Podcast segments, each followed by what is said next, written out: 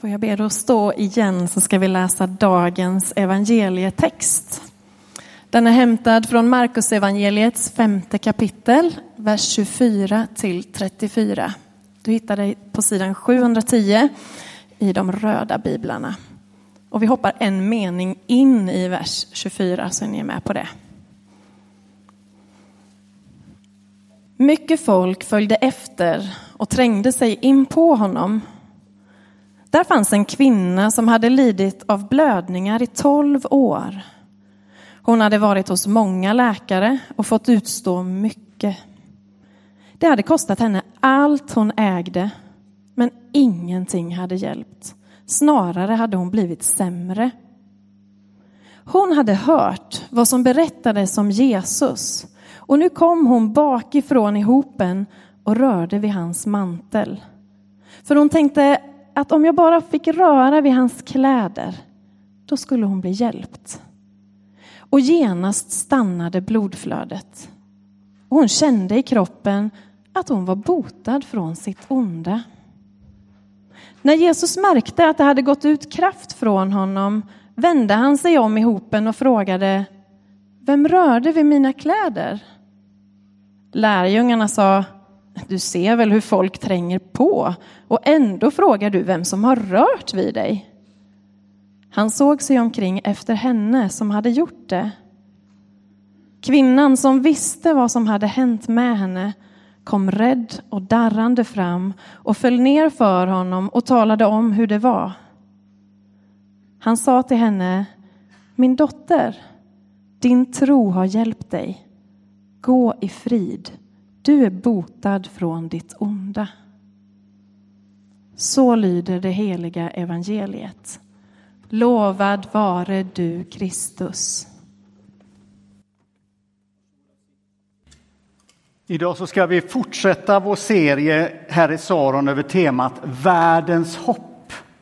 Och eh, förra veckan så talade e- Elin Alm över temat Har Gud verkligen koll? Och idag ska vi fundera kring frågan om det finns anledning att hoppas. Och hur ser då i så fall skälen till det hoppet ut? Har den kristna tron någonting att säga in i den här inte helt okomplicerade frågan omkring hur vi förhåller oss till hopp, till framtidstro, till tilliten till det goda. Och I vår text idag så möter vi en kvinna som har kommit till en punkt i livet då hon på riktigt riskerar att tappa tron på att någonting bra ska kunna hända. Hennes hopp, själva hennes hoppfullhet är utmanad till bristningsgränsen.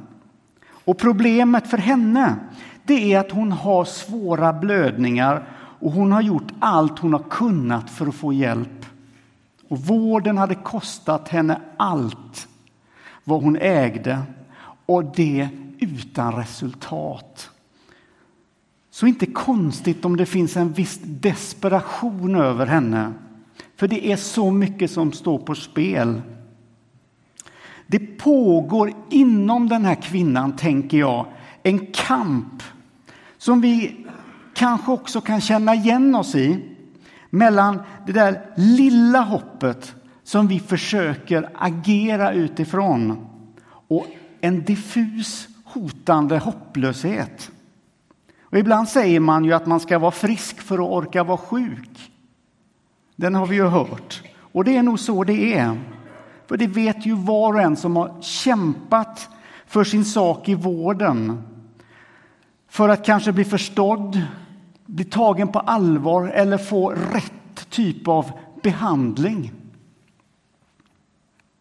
Men jag vill idag använda kvinnan i den här berättelsen till någonting större. Jag, jag skulle vilja använda henne som ett exempel. Vi låter henne bli en bild av mänskligheten. En mänsklighet som har så ont många gånger och kämpar så mycket och som har ett antal skäl till att ge upp inför allt som känns mörkt och som känns svårt. Det hade säkert funnits tusen skäl längs resans gång att sluta hoppas för den här kvinnan. Men någonting i henne driver henne ändå vidare. Någonting driver också mänskligheten vidare i sina försök att skapa en bättre värld, både individuellt och kollektivt. Och kvinnan som i berättelsen hade sin alldeles egna livshistoria att dela med. Och du har din. Och jag har min. Och frågan in i våra livsutmaningar, den blir hur hittar jag hoppfullheten i det jag går igenom i mitt liv? Hur får jag fatt i den? Eller är det så att jag har gjort pessimismen till min följeslagare? Och vi kan ju gå lite djupare ändå och ställa en lite mer filosofisk fråga. Är det ens önskvärt att min grundton i livet är hoppfull? Eller ska jag acceptera och finna mig till rätta i en mer pessimistisk livssyn och inte vänta mig så mycket i en rädsla att bli besviken? Jag kanske bara ska konstatera att all den här negativa datan som kommer i vår värld, att den är för stor för att rå på. Den kristna tron utmanar i grunden ett sådant tänkande. Den uppmuntrade inte att stiga in i ett dystopiskt synsätt med mörka bilder om framtiden. Att närma sig kristen tro, det är att närma sig hoppet, framtidstron och tilliten till det goda. För i den kristna tankevärlden har hoppet en drivande funktion. Den är inte bara en inre personlig överlevnadsmekanism. Den är också en yttre förändrande kraft. Den vänder sig mot dystopiska tankar som passiviserar människan. Så fungerar evangeliet. Och varför gör den då det? Jo, därför att Gud är i grunden optimist. När han ser på världen så ser han självklart med realistiska ögon. Han är ju inte ute i det blå. Men han ser också hoppfullt på människor, sammanhang, situationer. Och i Korinthierbrevet, det trettonde kapitel, läser vi om kärleken som är själva Guds eget väsen. Där står det allt bär den, allt tror den, allt hoppas den, allt uthärdar den. Guds väsen. Där har du en grund till hoppfullheten, att Gud har en optimistisk grundsyn. Om detta att hoppas ingår i ett kristet liv, betyder det då att kristna människor äger hoppet en gång för alla? Att du har fått det och så sitter det där. Alltså, om jag blir kristen så har jag allt på det torra, så att säga. Nej, det är inte riktigt så. Därför hoppet är någonting som man måste erövra om och om i sitt eget liv. Hoppet är någonting som man måste återvända till om och om i sitt liv. Därför att hopp är en färskvara och den härsknar väldigt lätt i en hård och kall värld. Men det är klart att om det är sant som man säger, att man blir som man umgås, om det talesättet har någon bärighet, så är det klart att man påverkas av Guds hoppfullhet, av hans optimistiska syn och tro på att saker och ting är möjliga. Och kvinnan i bibeltexten drivs av ett sista desperat hopp. Och hon rör sig, alltså hon, hon, hon tar ett steg, hon närmar sig Jesus genom folkmassan. För hon hade hört berättas om honom, hur hon nu hade gjort det. Säkert hade hon hört människor berätta om hur folk hade fått sina liv förvandlade och förändrade av honom. Och kanske var det så, troligtvis, att det liksom väckte hennes eget hopp, att den ökade lite i omfång i henne själv. Kanske är det möjligt med förändring. Och nu var ju Jesus där i hennes omedelbara närhet, inom räckhåll. Kanske bara några meter bort. Kan ni fatta hennes pickande hjärta när hon tar sig närmare? Och det här, det är just det som är en bärande anledning att våga hoppas ännu till denna dag. Det är det att Jesus aldrig är längre än, än en armlängd ifrån oss. Han är inom räckhåll, kanske bara några meter bort ifrån dig och mig. Aposteln Paulus konstaterar när han resonerar med människor, om det är i Aten, människor med olika tro och olika syn på saker och ting, så konstaterar han att Gud inte är långt borta från någon enda av oss. Kristen tro beskriver ingen Gud som distanserar sig från sin skapelse utan som tvärtom vill vara djupt delaktig i hur det går för oss i våra liv, i våra samhällsbyggen, i vår strävan efter godhet.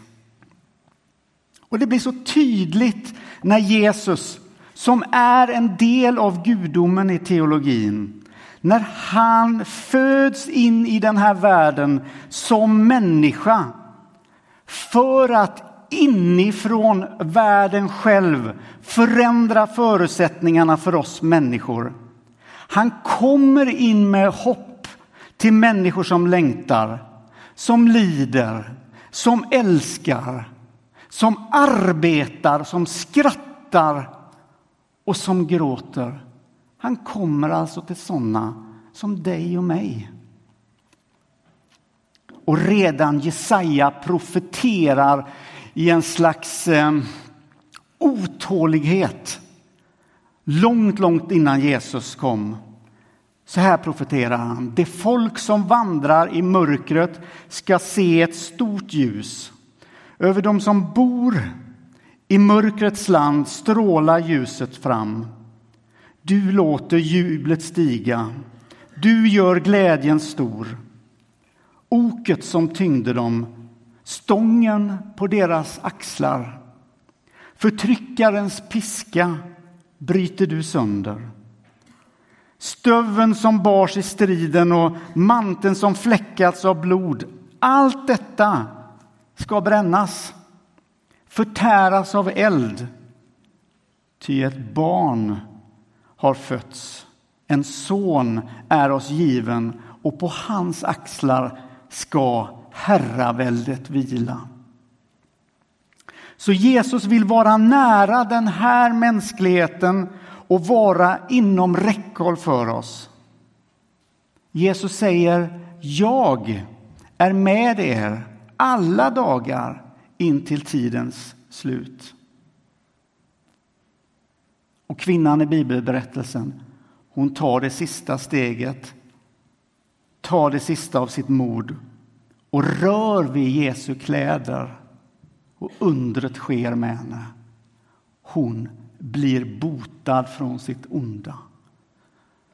Alltså den som har upplevt smärta kan ju känna den lättnaden bara genom att fantisera om det. Ibland blir Jesus lösningen här och nu, i stunden, som för kvinnan här. Men det finns också en erfarenhet i den kristna traditionen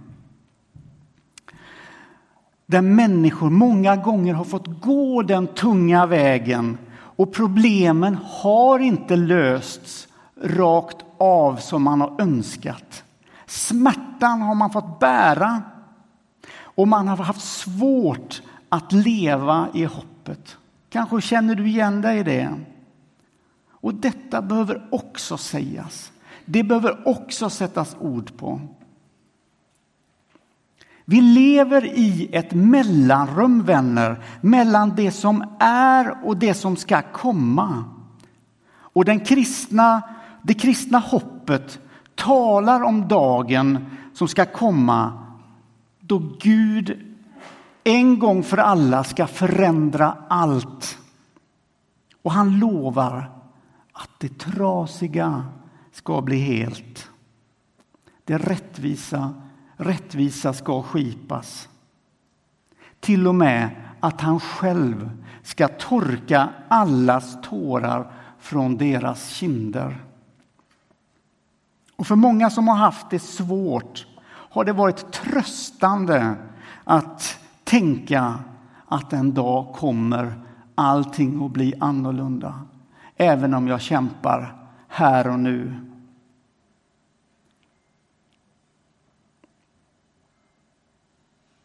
Gud, för dig är allting klart. I psalmboken, den 217 salmen. Gud, för dig är allting klart. Allt det dolda uppenbart. Mörkret, det är ej mörkt för dig. Och i dunklet ser du mig. Jag kommer att tänka på pojkarna som satt i den här grottan i Thailand. Var det i somras? Eller var det lite tidigare? Som satt i mörkret, instängda där. Jag vet inte hur länge. Det berörde en hel värld. De satt där i mörkret och i fukten och försökte självfallet försöka hålla liv i hoppet. Och efter x antal dagar, jag vet inte hur det där såg ut, men det måste varit en märklig upplevelse. När det kommer en dykare upp ur vattnet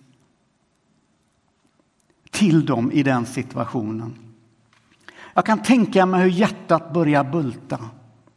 När han kommer rakt in i deras mörka grotta så säger han att han ska komma tillbaka. Han ska hämta hjälp och vi kommer tillbaka. Och så försvinner han ner i vattnet och kvar är de, pojkarna där. De är kvar i samma grotta. De är kvar i samma mörker, samma fukt. Men någonting har skett här inne i dem själva. För Jesus, för Jesus har, precis som dykaren, kommit till vår värld och hittat oss precis där vi är och sagt att jag kommer tillbaka. Tappa inte hoppet. Förlora inte tron. Jag kommer tillbaka för att låta det goda segra en gång för alla, för alla över det destruktiva, över det nedbrytande. Det finns anledning att hoppas, både i vår tillvaro här och nu och för det som ska komma. Så ta med dig bilden av kvinnan idag. Läs gärna texten när du är själv. Fundera på den, meditera lite över den, låt den tala till dig. Ta med dig den bilden när hon sträcker ut sin hand och rör vid Jesu mantelfåll. Och det är möjligt att göra det än idag. För Jesus är inom räckhåll för den som vill. För det är hos honom som hoppet har sitt ursprung, sin framtidstro och det är där tilliten till det goda kan öka. Och jag vill bara avsluta med att säga de orden som är nog det mest kraftfulla en människa någonsin kan säga. Jesus är världens hopp. Amen.